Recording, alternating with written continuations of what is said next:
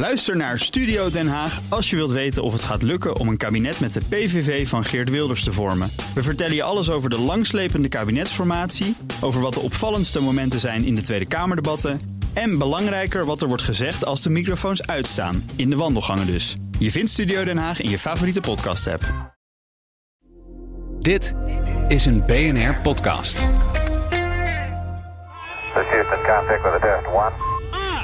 This Welkom bij aflevering 136 van Space Cowboys. Deze Yes. keer met eh, Mark Heemskerk, Hallo. Nick Poelstra Hallo, goedemiddag. en ik ben Luc van der Nabelen. Nou, we gaan weer het, eh, het een en ander doornemen. Wat, eh, wat hebben jullie als eh, belangrijkste items van vandaag? Ik heb eh, nou als, eh, meer, als een, meer een als een sneak peek de, de, het toppunt van de menselijke creativiteit, maar nu vanuit de ruimte. Oh, wauw, dat klinkt heel, dat, eh, heel artistiek. Klinkt heel fascinerend Ja, inderdaad, als je het zo verwoordt. Ehm, ja, ik heb eigenlijk meer ook een beetje wat, wat kleine nieuwtjes. Eh, onder andere toch nog weer even over eh, Blue Origin. Ja. Ehm, voor mij als geoloog kan ik het toch ook niet achterwege laten. Die IJslandse vulkaan die weer is gaan uitbarsten. en Ja. ja. ja, ook nog een klein beetje over de maan. Oké, nou, ik eh, heb het, eh, het een en ander eh, op een hoopje gegooid. Zaken die dit jaar niet zijn gelukt. En een paar van de zaken die hopelijk volgend jaar wel gaan, gaan lukken. Er zit ook wat, wat overlap in. Maar ehm, nou, we gaan, we gaan het allemaal doornemen. Ehm, Nick, ga van start. Nou, zou, nou, zou ik meteen maar met dat, met dat nieuwtje beginnen dan? Ja, precies. Want dat is, nou, als ik aan jullie vraag, wat is het toppunt van de menselijke creativiteit op het internet? Wat, wat zeggen jullie dan? Eh, memes, kattenvideo's. Eh, ja, we zien, nou, je, je hebt hem al. over je Eh, moeder. kattenvideo's inderdaad. Dat is toch wel een van de grootste dingen die, waar, waar men tegenwoordig naar kijkt. En het is nu ja, gelukt, eh, is, een groot woord, maar eh, Psyche, jullie weten hier wel bekend, hebben we hebben we vaker in de uitzending ook wel genoemd, die heeft een kattenvideo terug naar aarde gestuurd vanaf eh, eh, 31, ki- 31 miljoen kilometer. Zo onderweg, eh, onderweg naar zijn eh, onderweg naar zijn ding. Nou, en dan- zeg je van, nou, wat is daar nou bijzonder aan eh, en, goed aan? Het is eh, met eh eh, laserbeam, met lasercommunicatie eh, gebeurd. En dat, is, eh, dat is nog niet eerder eh, zo gedaan. Eh, en het leuke daarbij is, is dat zij, eh, nou, een, filmpje is best wel, wat, eh, best wel data, video's. Ja. En eh, met, met lasers haal je gewoon een, haal je veel hogere eh, data throughput eh, dan, met, dan met radio. Oké. En ze hebben het voor elkaar gekregen om dus over 31 miljoen kilometer een data van eh, 267 eh, megabit per seconde voor elkaar te krijgen. En even, ter, even ter vergelijking, de, de gemiddelde internetsnelheid in eh, Amerika is 219 eh, megabit eh, per seconde. En in eh, Engeland is het zelfs slechts 92 megabit per seconde. Dus vanuit deep space hebben wij een, nu een snellere internetverbinding dan, eh, dan dat eh, de mensen op het vasteland in Amerika en Engeland eh, on- onder andere hebben. Dus dat is, eh, nee, dat, en dus dat is echt wel. eh, dus het feit dat het, dat het een katvideo is, dat is, dat is leuk. En dat is, Ja. eh, is, gewoon, is, humor, vind ik zelf. Cat. Ja. Ja, we, hebben natuurlijk Ni- Nian Kat, die de, de memers onder ons ook wel on- onder ons kennen. Dus de, de allereerste Space Cat. Maar eh, het gaat dus uite- uiteindelijk gewoon om de technologie erachter. Dus, de, de, de leescommunicatie vanuit deep space. En eh, dit gaat gewoon eh, voor toekomstige deep space missies. En ook voor ons, eh, ons leven op, op Mars en op de maan. En noem het maar op. Ehm, Dit is dan ook een, een test voor daadwerkelijk als we richting Mars en Jupiter en weet ik veel wat gaan, of het nou bemenst is of niet, gaan we ook dit soort communicatie gebruiken. Is Ja, ja want je, eh, we gaan op een gegeven moment naar gewoon zulke grote data hoeveelheden en eh, foto's worden mooier. Eh, nou, stel, we, we hebben binnenkort een, een, een community op, op, de, op de Mars of op de maan. Ja, dan je wil je video bellen, je wil fotootjes Ja. sturen naar familie op aarde. En dan heb je gewoon dit soort, dit soort technologie nodig. Ja. Dus we hebben nu ook in, en daar heeft deze satelliet ook naartoe gestraald in Californië, bij de grote telescoop. daar hebben ze zo'n receiver eh, ingebouwd daar. Eh, en dat was eigenlijk ook voornamelijk dus een test om te laten zien dat die receiver het, eh, het zou doen. Oké. Eh, want Psyche verder heeft, eh, gaat ook verder geen eh, video's meer opnemen. Eh, Dus het wa- was gewoon maar meer echt laten zien van hey, als wij een video uploaden aan boord, kunnen we die dan eh, terugsturen. Ja. Dat, eh, Ja. dat blijkt. Nou, nou is radio- en lasercommunicatie niet mijn, eh, eh, mijn vak. Ehm, zit er ook een nadeel aan? Want ik, ik kan me voorstellen dat met lasercommunicatie moet je echt direct in, eh, in het zicht zitten. Ja. Eh, de zender en de ontvanger. En dat is bij radio niet, denk ik, vanuit de ruimte. Ja, nee, klopt. Nee, inderdaad, eh, de radio heb je een veel een veel groter zendbereik. En dan maakt het niet zo heel veel uit waar je zendt als je maar in het bereik in de, in de goede richting zit. Ja. Bij laser heb je inderdaad heb je, heb je zo dat, dat, dat je bepaalde grond, gronddiameter hebt. En ik weet toevallig dat voor low Earth orbit eh, satellieten, dus ik weet, ik weet niet precies van eh, deze satelliet, eh, is dat ongeveer 40 meter eh, dat ze hebben. Dus, ja, je hebt 40 meter speling op de grond om, eh, Ja, ja. om op te richten. Ja, want op zich wordt een laserstraal... ja, we, we denken natuurlijk altijd wel aan van die perfect parallelle lichtgolfjes. Maar dat, dat dijt natuurlijk uiteindelijk ook nog steeds Het, het, uit. het is wel, het is wel iets eh, convergent inderdaad, eh, zoals, je Ja. dat, eh, zoals je het noemt. Dus inderdaad, een, eh, ja, dus, eh, vanaf 1000 kilometer krijg je ongeveer een beam van 40 meter eh, op de grond Ja. eh, terecht. Ja, en eh, een van de grote nadelen is, is eh, dat je, je mag bijvoorbeeld geen wolken en zo hebben. Je moet wel, eh, hè, Ja. dus zodra de wolken al voor de baan, zit, de, Ja, in de baan ja. zitten, dan heb je ook al een probleem. ja, inderdaad. Want dit Ik, gaat dan niet ook nog via het hoe heet dat, Deep Space Network volgens mij... dat dan in satellieten weer rondom een baan rondom de aarde zit. Zodat je dus eigenlijk de, de wolkenlaag een beetje overslaat in dat opzicht. Nou, ja, dat, dat, dat, zou, dat zou nog wel kunnen. Eh, hè, dus je zou, je zou inderdaad nog een, een netwerk, eh, of bijvoorbeeld het ISS, eh, zou, zou een ontvanger kunnen hebben. Maar dan heb je ook weer, hè, dat is snel bewegend en je, je- toch wel je, je snelheidsverschillen. Dus een, een, vast punt is, wel, is wel fijner. Ja. Ehm, maar ja, de, de- je, zit, je, zit- met je, je zit met je raaksnelheid. Maar je hebt wel, eh, er zijn ook wel al wel satellieten of relay satellieten in, eh, in de baan om de aarde die de, die de berichten door kunnen geven en eh, zodoende wel naar een plek kunnen gaan eh, zonder wolken.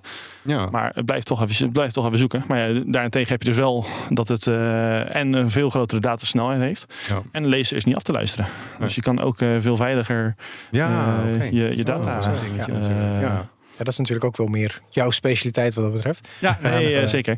Dus dat, eh, en natuurlijk, je kan nog met, als je helemaal de, de, de kwantummechanica ingaat, dan zou je, eh, dan zou laser ergens nog wel af te luisteren. Maar ook daar zijn we al mee bezig om, eh, om ook op, op kwantumniveau ervoor te zorgen dat laser niet, eh, niet af te luisteren valt. Maar het is, eh, in, in de beginsel is het een stuk lastiger dan, dan Ik neem radio. aan dat Ja, op ja. zich iedereen die laserpulsen binnenkrijgt dan toch? Want nou ja, op het moment dat je op 31 miljoen kilometer afstand staat... dan neem ik aan dat de, de, de bundel, het raakvlak dat je hebt... groter dan de aarde is. Weet je, zoals de, wat we ook hebben met die eh, retroreflectoren op de maan.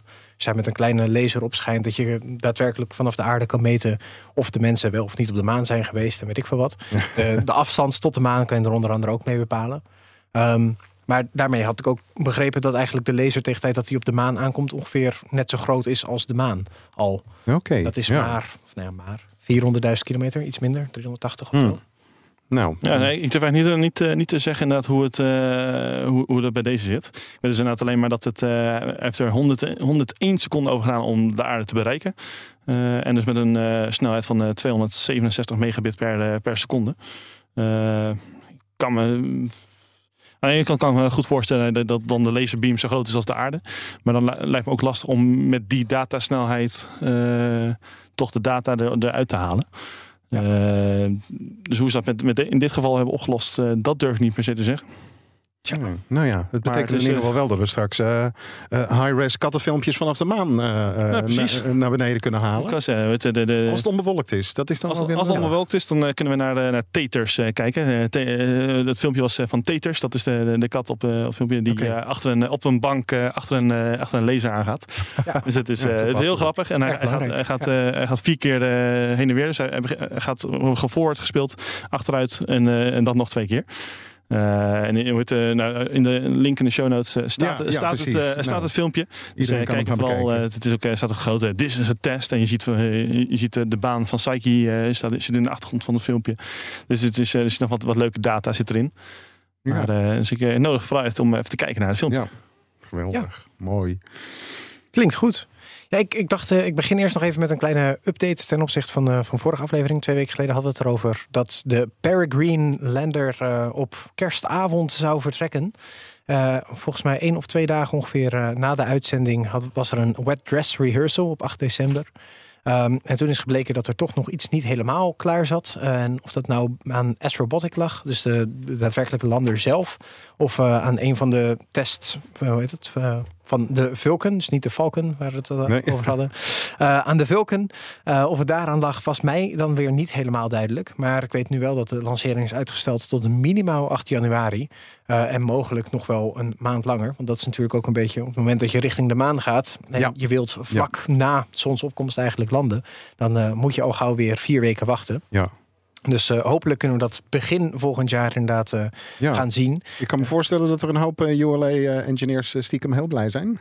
Eh, Gewoon ja, lekker kerstavond thuis. Precies. nou ja, dat, dat is natuurlijk de vraag, hè, wat er allemaal mis is gegaan. Want voor hetzelfde geld eh, ze zitten zij nu juist te heel kerst, tweede kerstdag en oud en nieuw door te halen om te zorgen dat het wel lukt voor 8 januari. nee, heb je gelijk in. Dus dat, dat gaan we dan natuurlijk nog zien. En dan dacht ik ook even een kleine update geven over die, die PIT MS. Dus de, de Peregrine Ion Trap Mass Spectrometer. Wat dat ding nou precies ging doen, leek vorige aflevering ook nog een klein beetje de vraag.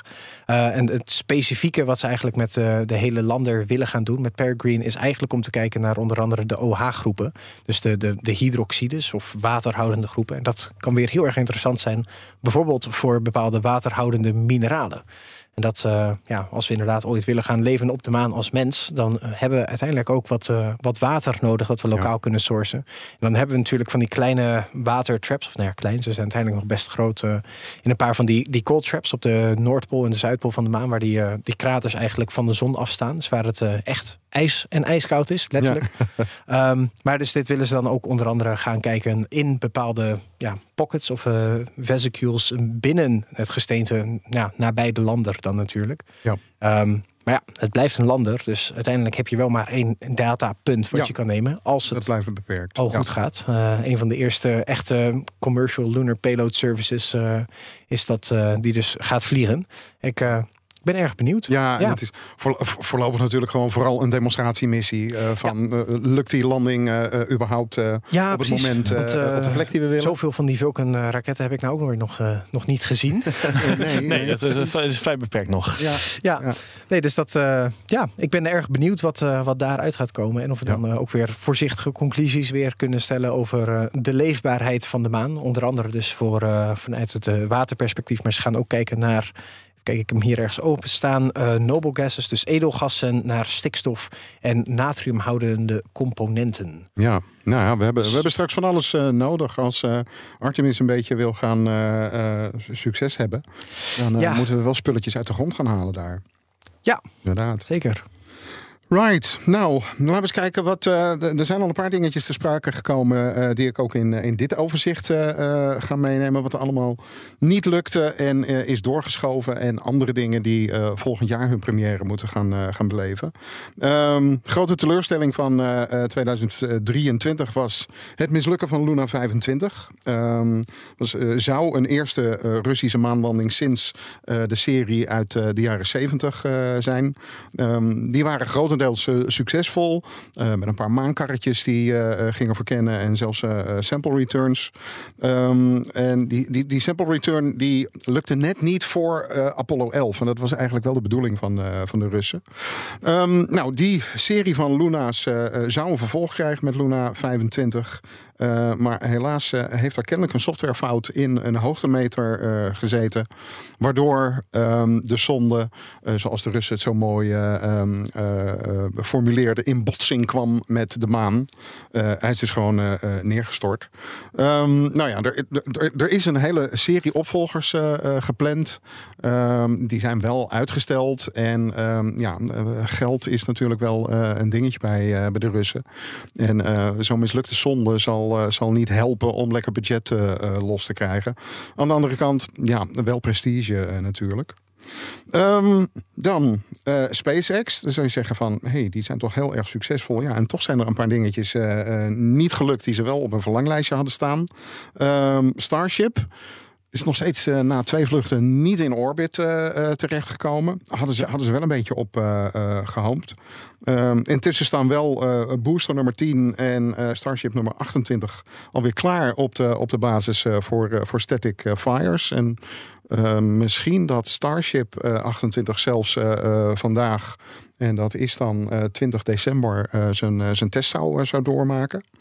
Ehm, nou ja, de- volgend jaar, eh, ehm, eh, het lijkt erop dat ze eh, het, het tempo van die testvluchten enorm willen gaan eh, verhogen. Dus ja, ik denk dat we zo, eh, zo vier, vijf eh, eh, Starship eh, eh, vluchten kunnen, kunnen verwachten.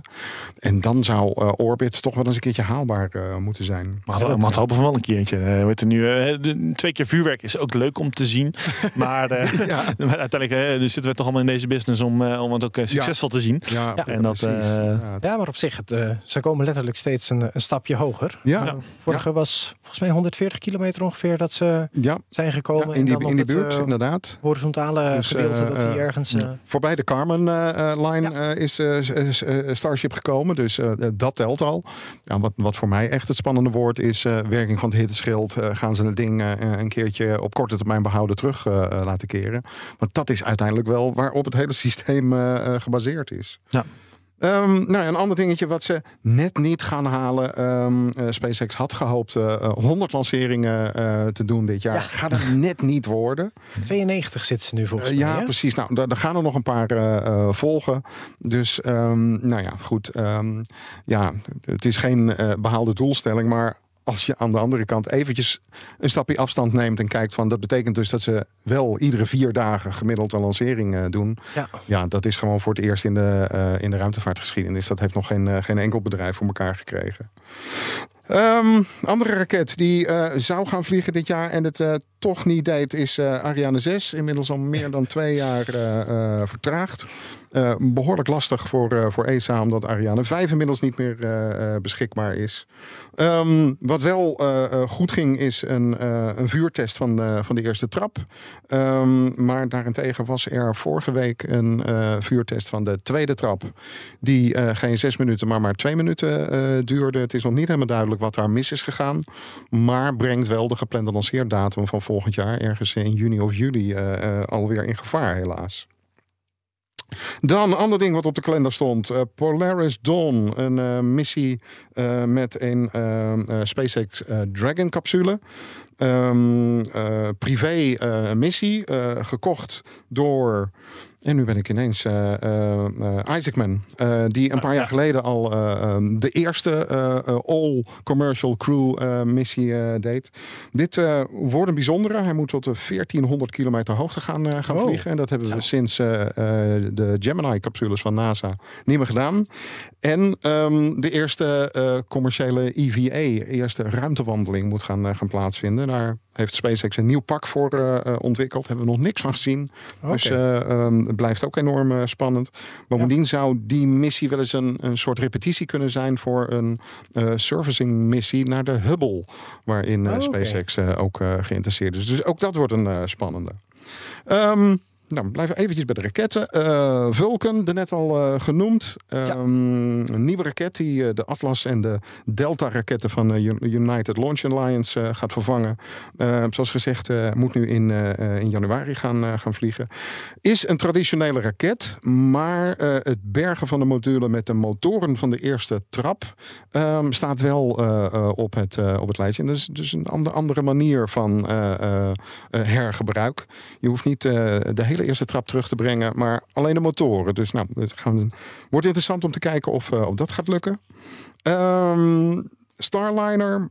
Ja, hebben we het al heel vaak over gehad. Een, behoorlijk geplaagde capsule van, eh, van Boeing. Eigenlijk de tegenhanger van, eh, van Dragon. Ehm, er is van alles misgegaan bij de, bij de eerste eh, onbemande vlucht. waardoor niet gekoppeld kon worden met ISS. Vervolgens waren er problemen met het parachutesysteem. En bleek er brandbaar materiaal in de capsule te zitten. Ehm, staat nu voor april volgend jaar gepland om zijn eerste bemenste vlucht te gaan maken. Eh, maar ja, ehm, eh, het is op een commercieel contract met NASA eh, ontwikkeld, deze capsule. Dragon gaat die absoluut niet meer, niet meer inhalen, want ja, die hebben al acht missies gedaan. Ja. En dat, gaat, dat gaat Boeing niet meer, niet meer doen. Ehm, dan Dream Chaser. Een eh, mini-shuttle van eh, Sierra Space eh, is al heel lang in, in ontwikkeling. Ehm, eh, gebaseerd op een, op een Sovjet-ontwerp uit de jaren 60, eh notabene. Ehm, ding gaat vracht vervoeren naar en van ISS. En complementeert daarmee de Cargo Dragon en de Cygnus-capsule. Ehm, hij moet gelanceerd worden, het, het schip wat de Tenacity meegekregen heeft als naam. met de tweede Vulcan-lancering. Ehm, het hele ding zit dan in de neuskegel. Eh, de kleine vleugeltjes die het ding heeft eh, zijn, eh, zijn opgevouwen. Eh, bestaat uit twee delen. Heeft ook nog een aparte module, de Shooting Star, die energie en de koeling verzorgt. En dat apparaat moet uiteindelijk ook onafhankelijk kunnen vliegen. En het moet de basis zijn voor een, een, een nieuwe versie die ook astronauten kan, kan vervoeren. En die kan dan ook vervolgens weer terug naar de aarde keren, Ja, neem ja ik precies. En dan. Dat zou ook geen die- vleugeltjes... nee, precies. Het is, nou ja, het is een lifting body. En ja, die vleugels eh, ze staan onder een hoek. Dus ze zijn mm, ja, niet echt dragende vleugels. Maar het is een soort, soort, soort fin aan, de eh, aan de buitenkant. Mhm. Maar eh, dat stelt hem wel in staat om eh, netjes op eh, ehm, de landingsbaan op Kennedy Space Center eh, eh, terug te keren. Oké, Wat echt natuurlijk- als eh, Space Shuttle ja, eh, ja idee. inderdaad. Ja. Eh, ze hebben het ook echt. eh, De wings are back. eh, eh, nieuwe shuttle eh, era en, eh, en dat soort eh, dingen. Heeft natuurlijk als enorm voordeel dat eh, eh, ja, je heel snel bij het eh, ding kan zijn. Heel snel je experimenten eruit kan eh, eh, halen. Ja. Dus eh, ehm, dat heeft een eh, groot voordeel. Ehm, nou, en dan hebben we eh, New Glenn eh, nog. Daar komt eh, Blue Origin weer eh, eh, Ja. om de hoek. Ehm, grote raket, 98 meter hoog, 7 meter eh, diameter van de neuskegel. Dus je kan daar lekker veel vracht in eh, eh, kwijt. Moet onder andere de Blue Moon eh, lander naar de maan brengen voor Artemis 5. Ehm, ook een herbruikbaar systeem. Eh, eerste trap eh, eh, moet kunnen landen op, op pootjes. Eh, eh, dus anders dan eh, SpaceX met, met Super Heavy doet. En onlangs heeft Blue Origin baas Jeff Bezos gezegd dat hij in 2024 eh, de eerste missie eh, verwacht. En hij wil in het algemeen Blue Origin sneller laten, laten werken. Nou, ja, dat wordt wel hoog tijd, want ja, dit is natuurlijk best een Ja, we zijn al een tijdje aan het wachten ja, het is op een deze heel ambitieuze raket. Ehm, maar In de tussentijd hebben wij nog steeds niet echt iets gezien van deze nieuwe Glenn, nou, toch? dat komt echt eh, eh, van ehm, ehm, fotografen die daar heel lang in de buurt eh, rondhangen en er af en toe eens overheen vliegen en in een hangar kunnen kijken als heel eventjes de deur open staat. dat, dat is echt het, hetgene wat naar buiten is gekomen.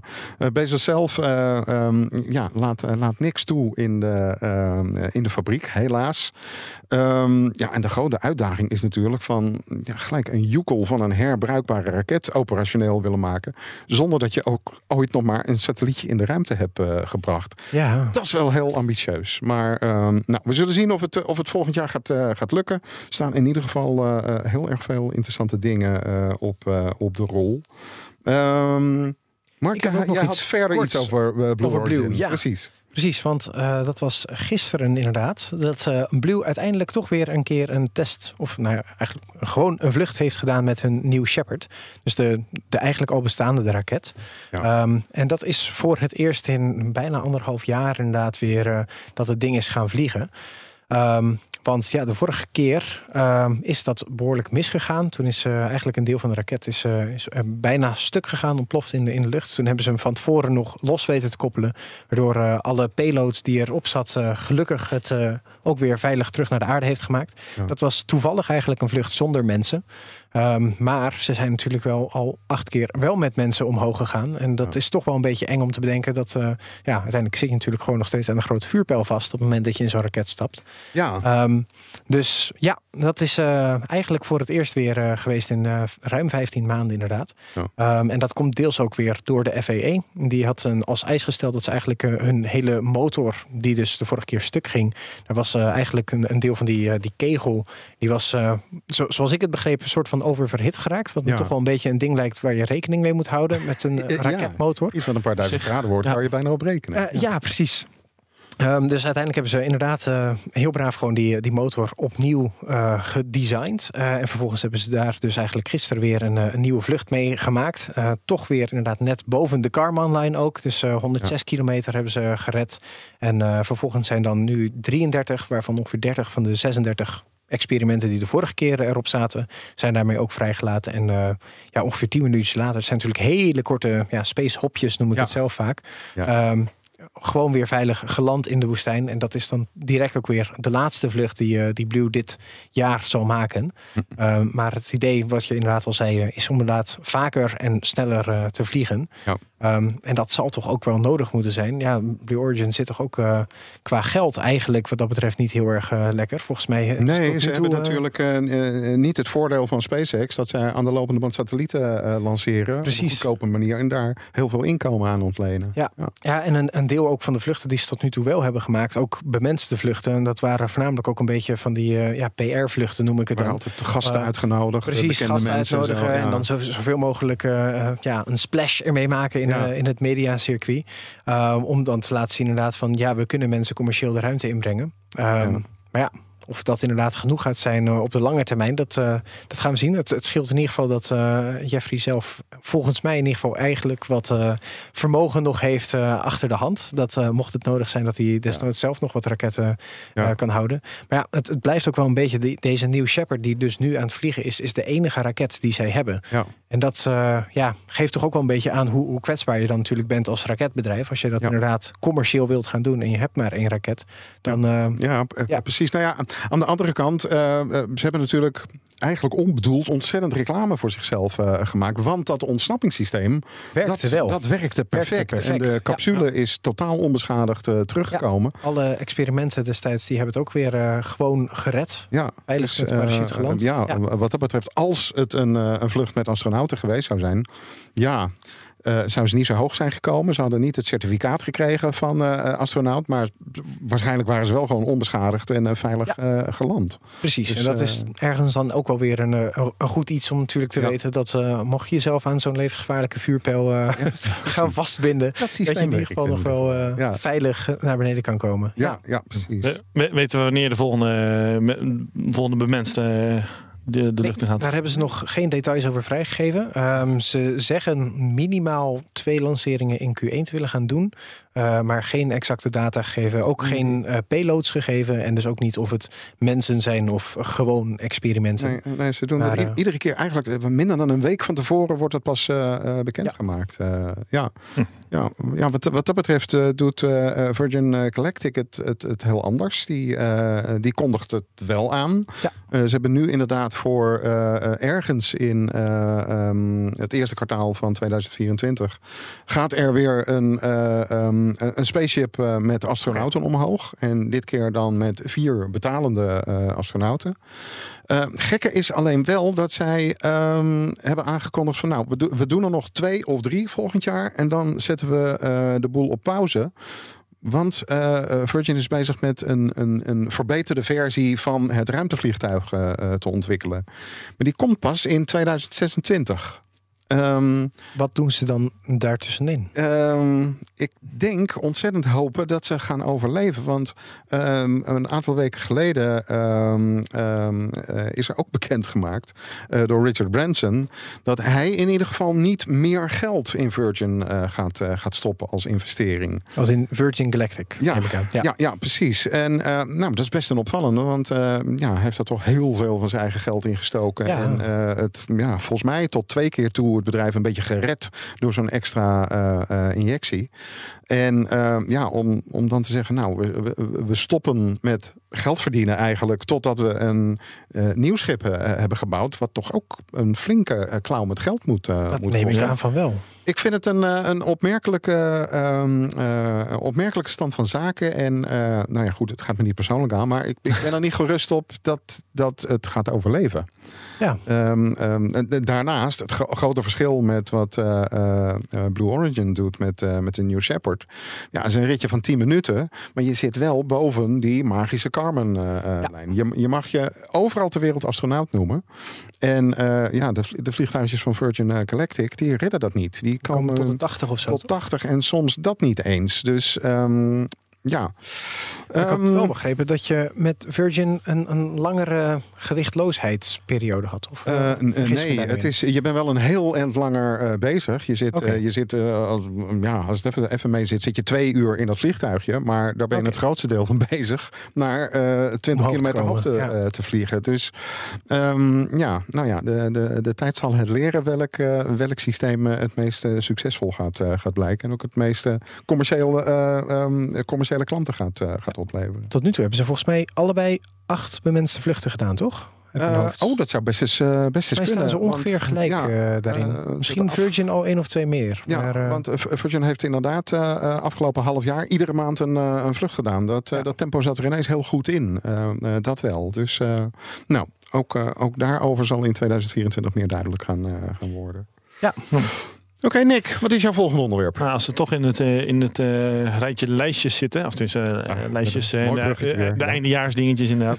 Eh, bij de meeste eindejaarsdingen zijn ook altijd eh, is wel een beetje een overzichtje van eh, eh, hen die ons ontvallen zijn. Ja. Ehm, en eh, deze, eh, dit is eigenlijk al een nieuwtje van, een- van een maand geleden, eh, maar ik wilde er toch even op, eh, op terugpakken. Eh, ik liep eh, vorige maand eh, in eh, Bremen op de Space Tech eh, Expo. Side note, eh, leuke beurs, gratis. Elk jaar, eh, elk jaar in november in Bremen. Leuke stad. Oké, Dus eh, als je. Hè, en Bremen praktisch om de hoek. Dus goede tip om daar eens een keertje heen te gaan. Als je alles, alle space tech bedrijven bij elkaar wil zien in Europa. Maar daar kwam ook het, het verdrietige nieuws dat de Delphi C3 eh, weer opgebrand is in, in de aarde. Of in de atmosfeer. En, hè, dan zeg je van nou, een, een, een studentensatellietje. eh, wat, wat is daar nou het grote nieuws van? Ehm, maar het is wel. ehm, in ieder geval voor mij, maar ook eigenlijk voor Nederland, is het, eh, is het een heel klein satellietje geweest met een, met een grote impact. Want eh, nou, als ik even terugkijk naar mezelf persoonlijk. de satelliet is in 2008 ge- eh, gelanceerd door, door, door Delft. Nou, dat, dat was al in de beginperiode van de, de CubeSats. De, de CubeSat, eh, CubeSat mo- module, of de, de CubeSat standaard. Dus de, de, de 10 bij 10 bij 10 centimeter. Is in 1999 in Stanford eh, is die bedacht. Nou, en eh, nou, als je dus acht jaar, acht jaar later al een hele satelliet eh, met studenten kan, eh, kan lanceren, is dat echt, eh, dat blijft een mooi, eh, mooi ding. Ja. En hij zou, hij zou het maar drie maanden doen. En hij heeft het volgens, eh, vervolgens dus ruim 15 jaar eh, overleefd. dat is Ehm, heel netjes. Dat is heel netjes inderdaad. Eh, en voor mij was het een, een, een persoonlijk echt een motivatie om ook naar die TU Delft eh, toe te gaan. Hè, Want hè, een, een, universiteit met zijn eigen Ja, met zijn eigen satelliet, waar je hè, potentieel toch eh, iets mee kon doen. Het bleek ook niet de laatste te, te zijn. We hebben de Delphi Next en vorig jaar nog de Delphi PQ-satellieten gehad. En niet vergeten, een van de grootste ruimtevaartbedrijven van Nederland, eh Isospace, die komt letterlijk is ontstaan uit Delphi, eh, Ja. uit Delphi Next. Ja. Eh, en ik, ja, hey, ik heb geen, geen harde cijfers om het, om het aan, eh, aan te tonen, maar eh, Aerospace nu tegenwoordig heeft, heeft, heeft een numerus fixus. Dus dat betekent dat, dat, er gewoon, dat er meer mensen zijn. oké. Die, Is zo populair zo geworden. populair geworden. Oh, wat goed zeg. En ik, hè, nogmaals, ik heb geen harde cijfers om het, echt, om het aan te tonen, maar ik durf wel mijn hand voor in het vuur te steken dat mede door de, de, de Delphi-satellieten, dat dat daardoor wel naar, naar voren is gekomen. Ja. Eh, nou, eh, en ik denk dus ook grotendeels de, de Nederlandse ruimtevaartindustrie eh, had niet zo groot geweest zonder deze satellieten. Wat heeft hij precies gedaan? Hij had een. ehm er was een, toen de tijd een nieuwe type zonnecel ehm, die werd getest. En twee sensoren waarmee die. De, eh, ehm, ook nieuwe sensoren waarmee de stand ten opzichte van de zon bepaald eh, kon worden. Maar dus op, eh Cube, op CubeSat eh, niveau. Dat, dat was Ja. toen de tijd was dat best wel eh, standbepaling. Dat, dat, dat kunnen we wel. Maar op dat niveau, op eh, die, die, kleine, die kleinheid, hoe, Ja. hoe zeg je dat? Eh, schaal, ja. was, was dat toen eh, redelijk uniek. En nu heb je bedrijfjes als, eh, als Hyperion en ISIS die dat eh, aan de lopende band eh, op, dat, op die schaal maken. Ja. Eh, maar ook, ja, dus dat weer. eh, de afgelopen paar jaren was het groot meer, niet veel meer dan bliep bliep. Ja.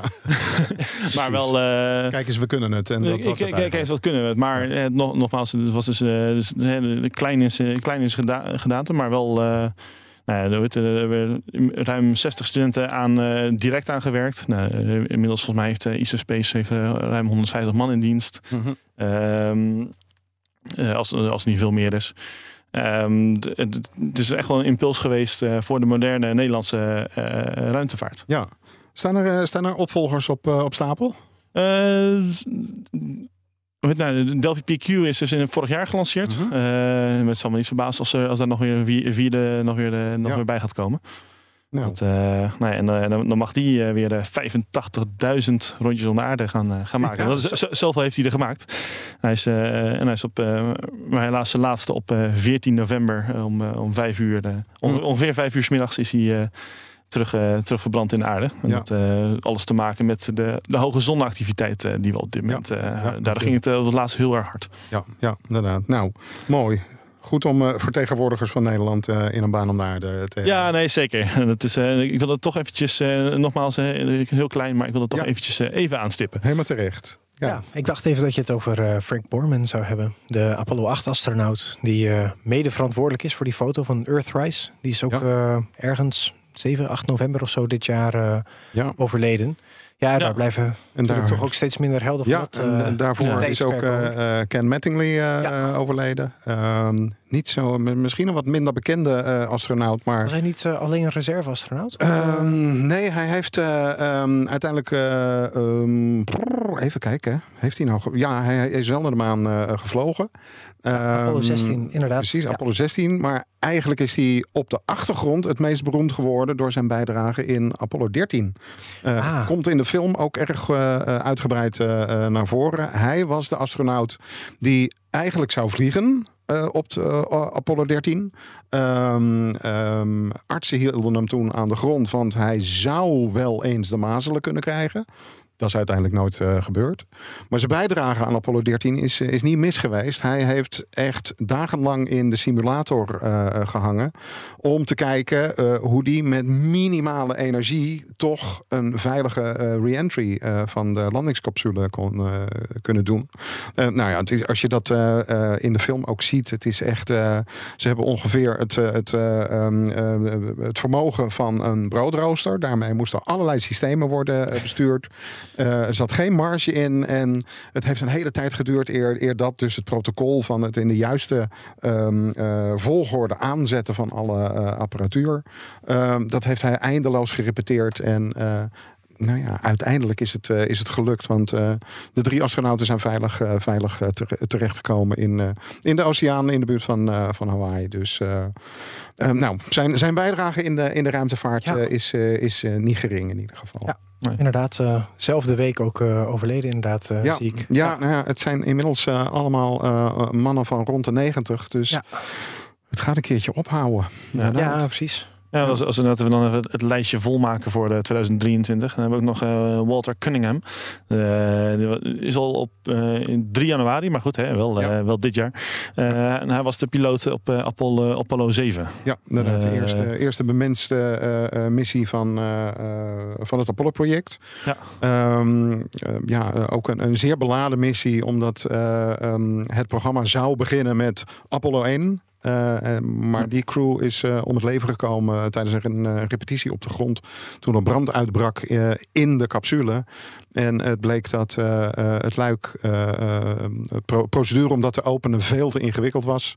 Eh, bovendien was het een luik wat naar binnen opende.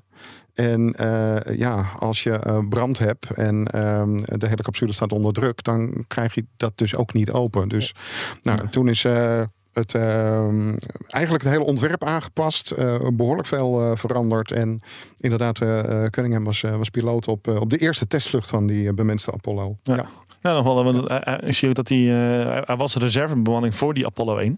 Dus hij is ook nog eh, daar goed weggekomen, om, Ja. het, om het even plat Ja. te zeggen. precies. Maar dat is inderdaad... eh, ja, Ja. nee, dus, dus ook, eh, die, die hebben dus ook dit jaar helaas Ja. verloren. Ja, Ja, in totaal Ja. zijn er nog vier maan eh, moonwalkers, weet je dat? Eh, ja. Mensen die op de maan hebben gewoond. eh, of gewoond. Ja, zich Geland. maar toch? Ja. Ja, ze ze zijn geland, maar Ja. eh, volgens mij ze daar ook een nachtje geslapen allemaal. Dus, ja, ja, ja, inderdaad. dus eh, ja, toch een, Ja. een, beetje gewoond. eh, Ja, precies. Nou ja, opmerkelijk is dat Buzz Aldrin eh, eh, er nog steeds is. 93, En, eh, ja. 93, maar eh, heel actief op Twitter en laat Ja, zich overal zien en vraagt afgrijzelijke bedragen voor handtekeningen. Dus eh, die maakt er nog Ja. Steeds eh, goed, eh, goed gebruik van, inderdaad. Ja, en ik had wel inderdaad ook begrepen dat gemiddeld genomen naar de maan gaan goed is voor je verwachte levensduur. Omdat eigenlijk alle Apollo-astronauten die richting de maan, rondom de maan of op de maan zijn geweest, gemiddeld genomen langer leven dan de andere Amerikanen. Ja. Ehm, Inderdaad. dus ja, maar of dat nou echt komt omdat de maan zo gezond is, eh, of dat dat komt omdat de, de mannen die ze daarheen hebben gestuurd relatief gezond Extreem en fit gezond waren. Ja, dat zou ook. Dat, eh, ja. dat laat ik dan nog even in het midden. Maar, Het is- eh, het- het- het zou leuk zijn als daar zo'n onderzoekje aan werd, Ja. eh, werd gewijd. Ja, Ik, eh, ik, ik, ik stel mij graag eh, beschikbaar voor dit. eh, dit Oké, onderzoek. om ergens naar de maan te gaan en vervolgens eh, proefkonijn te zijn. Ja, precies. En dan Ja. te kijken hoe, eh, hoe lang ik het nog volhoud. Dat, Ja. Ja. Dan dan ben je niet de enige. eh. Nee, nee, want eh, eigenlijk daarop eh, inhakend inderdaad. eh, zijn dus wat, eh, wat nieuwe berichten ook weer binnengekomen vanuit onder andere India. Die wil dus zijn eigen eh, maanstation ook eigenlijk eh, gaan bouwen. Eh, en daarvan is dus het idee dat hij in 2047... en ze zijn echt eh, per jaar al hele stapstenen aan het uitschrijven... en mijl, mijlpalen die ze willen halen. Ehm, en daarmee ja, lijkt het toch al een stukje meer uitgedacht. Toch eh, naar ruim 20, bijna 25 jaar eh, de toekomst in. Waarin zij dus in 2047 een semi-permanent bemenst eh, ruimtestation op de maan willen gaan bouwen. Ehm, met onder andere dan al in 2040 de eerste astronauten, de Indiaanse astronauten, die eh, vanuit ISRO ook worden gevlogen naar de maan. Misschien gaan er eerder ook al astronauten met een van de commerciële dingen. Maar ja, tot nu toe moet ik zeggen dat India toch zulke goedkope missies in elkaar weet te zetten. Dat ze misschien bijna goedkoper een eigen Ja. raket, eh, module en landing eh, in elkaar Ja. kunnen zetten. Dan dat ongeveer wordt om één astronaut ticket te kopen naar, eh, naar het Ja. maanoppervlak. Als je ziet wat Chandrayaan eh, 3, dus de, de lander van India eerder dit jaar al met al heeft gekost.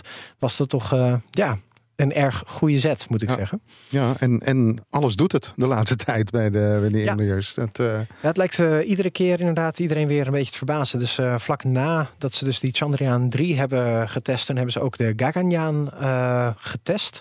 Wat eigenlijk de, de, de me- mensenmodule eigenlijk wordt. Ja. Ehm, en zijn ze nu bezig met een kleine eh, rover samen met Japan. De Lupex rover heet dat ding. ehm, voor de Chandrayaan 4 missie. Eh, en Chandrayaan 4 zou ook weer samples terug moeten gaan brengen van, vanaf de maan. Ja. En eh, daarmee zouden zij volgens mij het vijfde land zijn dat dat eh, succesvol doet. Of vijfde instantie eigenlijk. Ja, ja, ja. eh, om eh, ja, samples vanaf de maan terug te brengen. En dat is toch wel weer eh, Ja. ja, een indrukwekkende nieuwe stap. En ja, dat, eh, zeker. Ja, Nou ja, daar en- eh, kijk ik erg naar uit. Tegelijkertijd eh, heb je ook het, eh, even kijken hoe heet dat nou? Ik ben ergens, heb ik hem ook nog in een tablet staan. Het International Lunar Research Station, de IORS. eh, officieel opgezet door China, maar al vrij snel in samenwerking met Roscosmos. Dus met, met de Russen, CNSA en Roscosmos. Ja. Ehm, en die willen eigenlijk nog een heel stuk sneller, eh, willen zij daar al eh, richting de maan gaan. Dus ze zijn nu eh, in de komende twee jaar nog bezig met de, de reconnaissance fase. Dus waarin ze echt willen gaan ontdekken waar willen ze gaan landen. En dat waarschijnlijk nog steeds in de buurt van de Zuidpool. Maar waar dat dan precies op de Zuidpool is, dat is mij in ieder geval nog niet verteld. Uh, en dan zijn ze nu ook juist bezig met uh, het zoeken van partners. En om dan nog uh, even bij jou ook terug te komen met het lijstje van wat er allemaal in 2023 is gebeurd. Er zijn nogal wat partners ook aangesloten. Waaronder dan Zuid-Afrika, Belarus of Wit-Rusland, Egypte. En afgelopen IAC in Baku ook Azerbeidzjan heeft zich daarbij officieel aangesloten. En dan hebben ze dus op dit moment negen partners met wie zij dus samen dit hele ruimtestation ja. willen gaan bouwen. Uh, en verder zijn ze ook nog steeds uh, op zoek naar uh, ja, meer teams. waarvan onder andere dan Europese landen nog een beetje twijfelachtig, in ieder geval in mijn ogen, zijn overgekomen. Of zij wel of niet ook nog bij dit ruimstation willen gaan, gaan horen. Aan de ene kant, ja, de tijdlijn is een stukje korter. Dus als wij als Nederland willen zeggen van wij willen ja. zo snel mogelijk een Nederlander op de maan. Ja. Nogmaals, ik stel mij graag uh, kandidaat. um, de pitch is duidelijk. Dus, ja. Als jullie er meeluisteren. Ja. ja, ja. maar aan de andere kant is natuurlijk dan ook wel weer een beetje de vraag, ook uh, ja, vanuit het, het, de politiek weer. Um, zijn dat nou echt de landen waar wij ons graag bij willen aansluiten? Um, ja, want China, Rusland, uh, Venezuela, Pakistan en de UAE, dus de Verenigde Arabische Emiraten, die staan er nu ook op het uh, lijstje.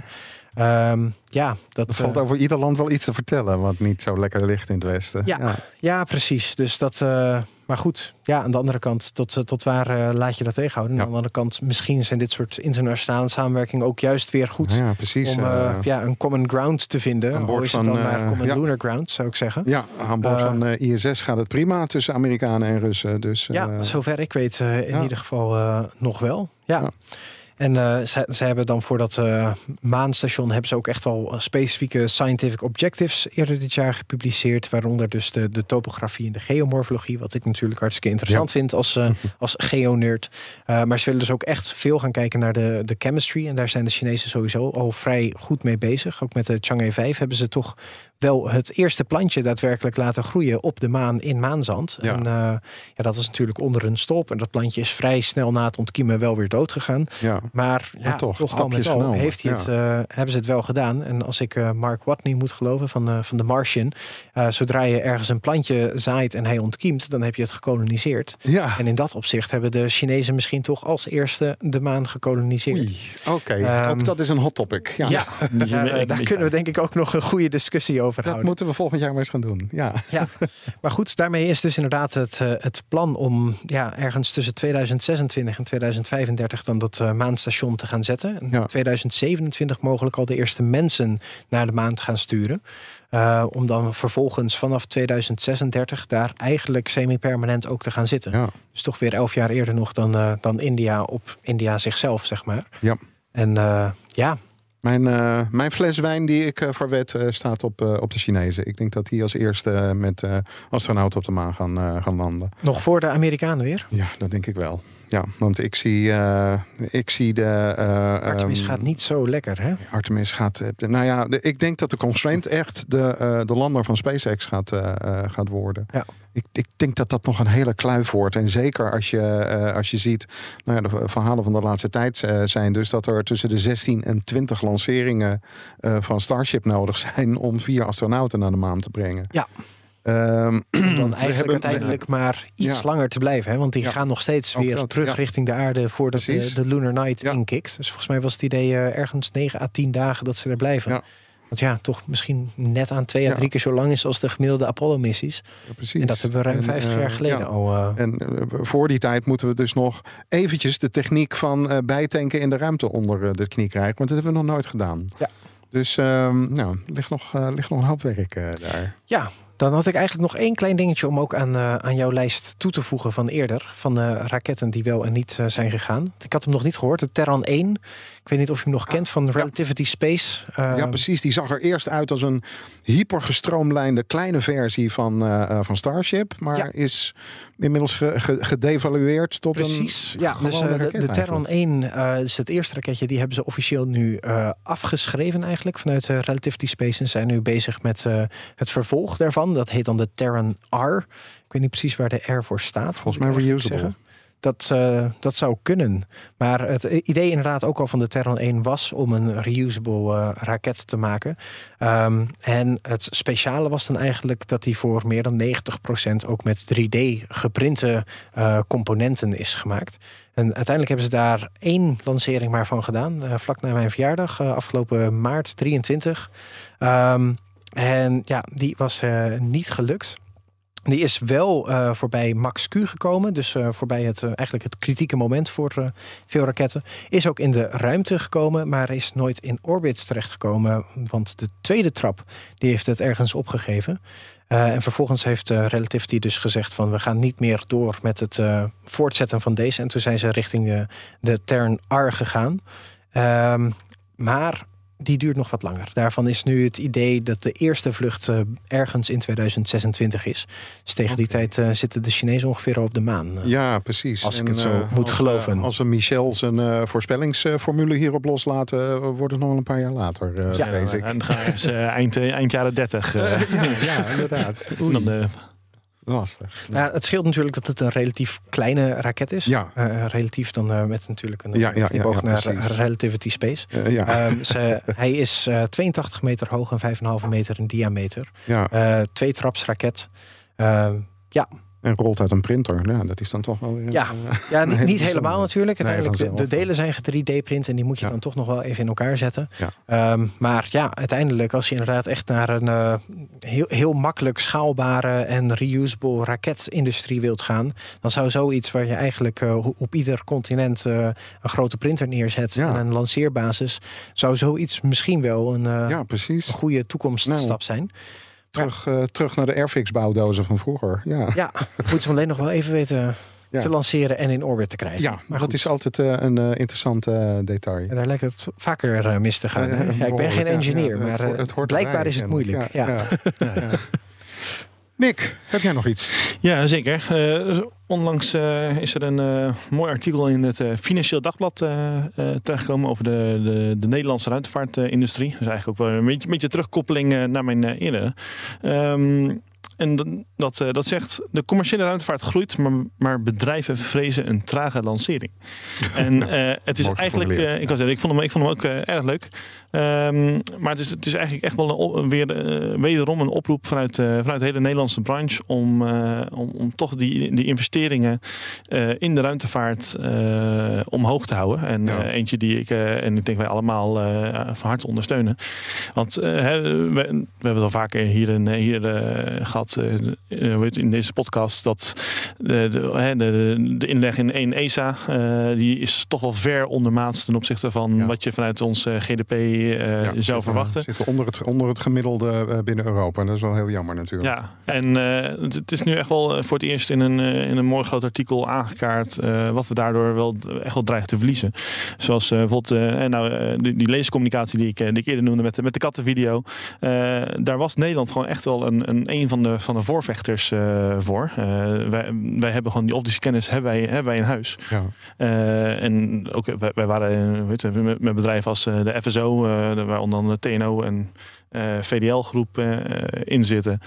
Eh, waar, nu kwamen we redelijk snel met, met, eh, met modellen. Maar je ziet nu ook dat landen om ons heen eh, eigenlijk ons aan het inhalen zijn. Puur dat zij dat budget veel hoger hebben. Eh, ik, heb, ik, heb een kaart, ik heb een kaartje gezien eh, waarbij eh, in verschillende kleuren blauw de investeringen gewoon in de hele ruimtevaartsector werden aangegeven. Waarbij hoe lichter blauw het was, hoe meer investeringen was. En je ziet gewoon dat Nederland een, een, een donkerblauwe stip is in, in, in, in, in een zee van, van lichtblauw om ons heen. Dus echt eh, Duitsland, eh, Duitsland, Frankrijk, maar wel ook landen als Portugal en Italië die echt eh, gewoon ons voorbij aan het steken eh, zijn. Ehm, en, en eh, dat is misschien ook wel le- leuker voor Mark eh, om meteen op in te haken. Is, eh, dat, dat zie je vooral terug ook in investeringen in, in start-ups. Nou, hè, zoals ik net zeg, de, vanuit de TU Delft ontstaan echt meerdere start-ups. waarvan ISIS toen de tijd eentje was. Ja. Maar ja, bijvoorbeeld Mark heeft natuurlijk ook een IC Space. Dat ook echt wel een goede, een leuke start-up is nu. Maar zie, ehm, wat, wat, wat nu aangekaart wordt, is dat die, ehm, de Valley of Death, zoals dat wordt genoemd, de, de periode. het, klinkt, het klinkt heel spannend, maar dat, dat, Ja. is de, dat is de periode voor een, voor een start-up waarin eh, eh, wel de investeringen nodig zijn. Je, je, je, moet je mensen aannemen, je moet, eh, je moet ontwikkelingen doen. Maar voordat je daadwerkelijk geld kan ophalen met je product of met je, met je kennis. En om die Valley of Death te, te overbruggen, dat wordt in, in Nederland steeds lastiger. Ik, weet- ja, ik, weet niet. Ja. Ik, ik, ik heb, ik heb geen start-up, dus misschien dat. Nou moet eh, ik zeggen natuurlijk dat, eh, dat IC Space ook niet officieel gevestigd is hier in, eh, in Nederland. Wij zitten dan bij het Business Incubation Center in, in Praag, in Tsjechië. Ehm, maar ik, ik herken het probleem sowieso natuurlijk wel als, als start-up. Dat je op een gegeven moment eigenlijk de, de investeringen nodig hebt om de investeerders binnen te krijgen, een beetje. Ehm, maar ja, dat, dat is wel echt inderdaad een, eh, een probleem dat eh, voornamelijk dan hier in Nederland eh, ook wel hoorbaar is. Want ja, ik zit dan ook nog wel in, binnen de, de ESA-BIC familiegroepen, zeg maar. Ehm, en ja, ik kom toch nog met enige regelmaat in Nederland, ook al woon ik er niet meer. Ehm, maar daarmee merk je inderdaad wel dat eh, ja, de investeringen eigenlijk gewoon meer nodig zijn. Dus ik weet niet zeker of we hier eh, toevallig een van de luisteraars kunnen overhalen om te zorgen dat Nederland eh, Doe wat meer mee. investeren. Ja. ja. Want ja, eh, tegelijkertijd hebben we natuurlijk wel ook de grootste ESA-faciliteit van Europa hier, eh, of nou, überhaupt de grootste ESA-faciliteit eh, in Nederland zitten, in Noordwijk. eh, ja, het, maar ja, dat, dat, is, dat is alleen maar omdat de bodem daar eh, goed geschikt was om triltafels op te bouwen. Dat is Ja. geen enkele andere reden. ja. Dus, Nee. ja. En, dat, eh, en, en, en er, is, er valt genoeg geld te, te vertalen. Want eh, het is op, dit moment, eh, de, op dit moment is de, ook, ook al ze- zelfs is het redelijk bescheiden, de, de ruimtevaartsector is op dit moment goed voor de, qua productiewaarde eh 1,9 miljard euro. En gewoon door de, door de commer- commercie en door, de, de, de- gewoon door alle kansen die, die er nu liggen, groeit het ook. Eh, zo zagen ze ook tussen 2014 en 2018 eh, zagen ze een werkgelegenheid van, van 20% eh, Stijging. 20% Ja, oké, stijging. Ja. En naar, de laatste cijfers zijn nog niet bekend, maar de verwachting is wel dat die de af, eigenlijk de afgelopen vier, vijf jaar nog steeds zo hoog is, of of zelfs niet hoger. Ehm nou, ga, ga nou, nou alles, eh weet, blijf nou helemaal achter. Nou, dat, dat, is, dat is ook weer niet waar. Weet, we hebben natuurlijk afgelopen jaar de Artemis-akkoorden eh, Ja. eh, ondertekend. Ja. Ehm, eh, en eh, ook ehm, eh, Defensie, die on- ondersteunt nu echt wel het nut van, van ruimtevaart. Die hebben onlangs een groot contract getekend met Airbus om eh, eh, de in, hoe heet, het, eh, intelligence te vergaderen. Dus de, de Ja. beelden die, satelliet, die Airbus maakt met zijn satellieten, om die voor de defensiedoeleinden te gebruiken. Ehm, dus dat, en eh, en dat, dat, is nog wel, nog wel een, een, leuke voor, de, voor volgend jaar, waar we zeker op gaan terugkomen. Eh lijkt erop dat nu eindelijk meerdere ministeries, eh, uit mijn hoofd zeg ik eh, zeven, waaronder het, eh, het EZK, Eco- Economische Zaken, Defensie, eh, bij elkaar gaan komen zitten om echt een eh langetermijn ruimtevaartagenda eh, op te zetten, samen met eh, de, de NSO en eh SpaceNet. Ehm, en die wordt, eh, als, het, eh, al- als alles goed gaat, wordt die eh, eind januari ehm, aan Mickey Adriaanse, de, de, de nu nog de demissionair minister van Economische Zaken, wordt dat lange termijnplan aangekondigd. En zo in de hoop meer echt een lange termijn planning te maken voor met overkoepelend aan de verschillende eh, ministeries. Want dat, dat merkte je ook wel de laatste tijd. Dat er gewoon ja, eh, EZK en, en eh, INW die doen hun eigen investeringen. maar We praten niet met elkaar. Ja, dat, dat Ja, loopt dat allemaal. is lastig. Je moet het wel coördineren natuurlijk. Ja. Dus dat, En zeker met ruimtevaart, dan zit je natuurlijk ook echt over de verschillende ministeries heen. Want Ja, het heeft gewoon zoveel raakvlakken. En eh, nou ja, zoals wij toevallig eerder vandaag allebei dan ook bij de EZERO-dag hier in Amsterdam al waren. Ja. Ehm, educatie is ook echt ja, cruciaal natuurlijk. Zowel ja, waarom überhaupt de ruimtevaart nodig is voor de huidige en ja, jongere generaties dan eh, nog jonger dan wij eh, in dat opzicht. ja. Ehm, maar tegelijkertijd natuurlijk ook juist voor het toekomstperspectief. Want er zijn, nou ja, zoals we weten, ESTEC is een hele grote faciliteit. Ja. Eh, maar het is zeker niet de enige ruimtespeler hier eh, in Nederland. eh, zoals we allemaal heel goed weten. Ja, precies. Ehm, dus we hebben daar inderdaad, ja, nu al, maar eh, dat wordt in de toekomst alleen maar meer en meer en meer. eh, banen in en ook mensen in nodig natuurlijk. Dus dat, Ja. Lijkt ja, mij een goed idee. Ja, in ieder geval een goed, goed initiatief dat, eh, dat dat wat meer, eh, meer coördinatie gaat, eh, gaat krijgen. Ja, zeker. Ja. Dus, ik, dus ik hoop echt, echt wel dat, de- dat de nieuwe regering, bijvoorbeeld, want je, je hebt nu de, het, het, het, het groeifonds, eh, waar op dit moment echt wel een miljardenpot is voor de investeringen in eh, toekomstige verdienmodellen. Eh, daar was de PVV eigenlijk een van de grootste tegenstanders in. Ehm, dus, dus dat ontwikkelgeld is wel echt hard nodig. Ook hè, voor, nogmaals voor al die start-ups. eh, maar ook gewoon voor de grote, grote bedrijven nu. En eh, daarnaast is ook nog wel echt een, een verandering in, in regelgeving eh, nodig. Eh, zoals bijvoorbeeld de, de waterkwaliteit in Nederland. Ja, dat kan je prima met, ehm, met satellieten kan je, zou je dat kunnen meten. Maar de huidige regelgeving zegt puur nee, dat moet door een, ge- een gerenommeerd laboratorium ergens in Nederland moet dat gemeten worden. Dus met, echt met samples en met eh, mensen moeten naar, naar de slootjes en naar de vijvertjes toe. Eh, nou, als, als die regelgeving kan veranderen om gewoon satellietdata Ja, te gebruiken. dan ben je een stuk verder. dan ben je een stuk verder, een stuk goedkoper Ja. uit waarschijnlijk. Ja, Eh, en eh, tegelijkertijd een aanjager voor de Nederlandse economie. Mooi. Oké, Mark, had jij nog een onderwerp? Ehm, eigenlijk niet. Nee. Nee, dat, Nou. eh, dat, dat was het al een Ja, beetje. Ja, ik, ik heb nog een iets ouder onderwerp, eh, wat meer als een, een, een klein dingetje is, wat ik toevallig in, in mijn eigen onderzoek eh, vrij recent ben tegengekomen. Dat zal van oktober dit jaar, maar volgens mij hebben we hem nog niet aangestipt. Dat is een, eh, een- een kaartje van het zogenaamde SWIM-programma, of SWIM-project vanuit NASA. Dat staat voor het Subs Surface Water Ice Mapping. En dat gaat over een, eh, eigenlijk een kaart van Mars, waar wel en niet water te vinden is. Dan gaat het natuurlijk voornamelijk om, eh, om waterijs. Ja. Ehm, en die hebben zij nu, eh, ja, of eigenlijk nu, in oktober vrijgegeven. En eh, toevallig in een van mijn eh, onderzoeken kwam ik daar laatst achter. En ik dacht, ja, dat vind ik toch nog wel leuk als we dan de tijd hebben om het even te benoemen. Ja, zeker. Ehm, en daarin hebben ze eigenlijk gewoon ja, de verschillende dingen een beetje opengezet. Waar dus op een gegeven moment, eh, als je te hoog zit op het Marsoppervlak, dan sublimeert ook het waterijs aan het oppervlakte te snel. Ehm, dus juist op de iets dieper gelegen gebieden, ehm, dus eigenlijk een kilometer onder zeeniveau, zover er een zeeniveau natuurlijk is op Mars, zijn nog steeds plekken met, eh, met ijs te vinden. Dat gaat, ja, zoals eh, waarschijnlijk wel bekend, denk ik, eh, voornamelijk rond de polen zijn. ja. Ehm, maar ook iets zuidelijker zitten nog steeds wat grote impactkraters. Waarin wij eigenlijk in de ja, ondergrond hebben kunnen kijken.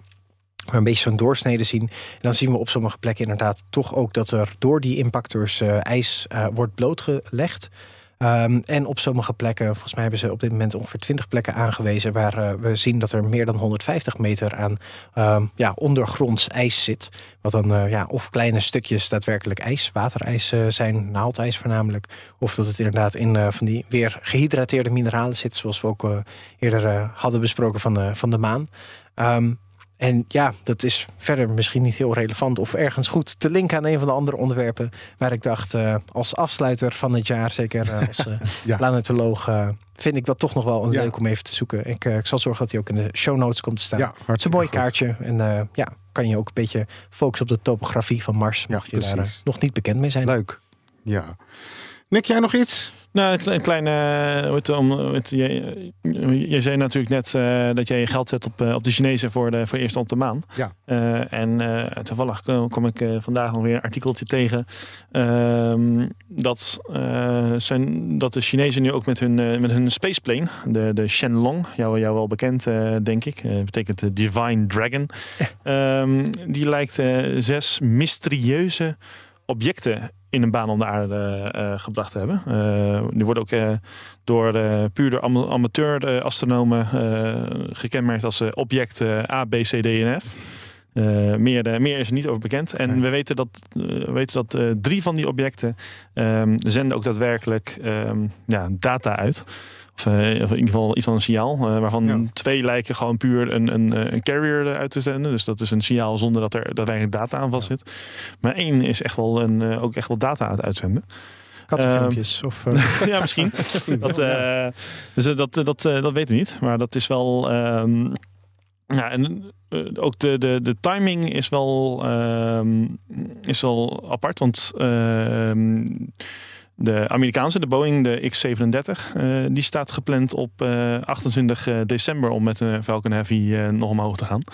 Ehm, dus de, de, eh, de Amerikanen denken over dat er een, een soort is van haha, wij zijn weer, eh, wij, wij- wij inderdaad. zijn weer eerder.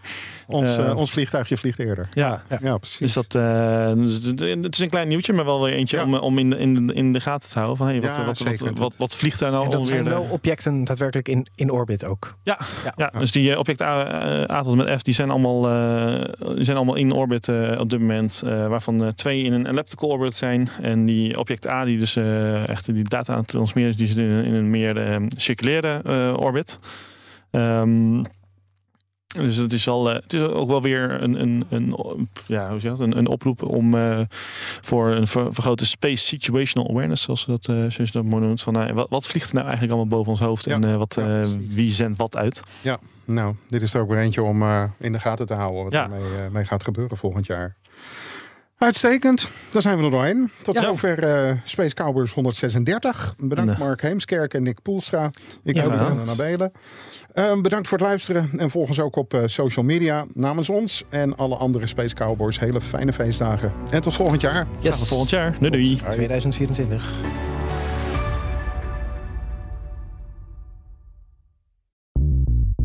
Bij BNR ben je altijd als eerste op de hoogte van het laatste nieuws. Luister dagelijks live via internet. Bas van Werven. En heel langzaam komt de zon op rond dit tijdstip. Je krijgt inzicht in de dag die komt op BNR, het Binnenhof in Nederland en de rest van de wereld. De Ochtendspits. Voor de beste start van je werkdag. Blijf scherp en mis niets.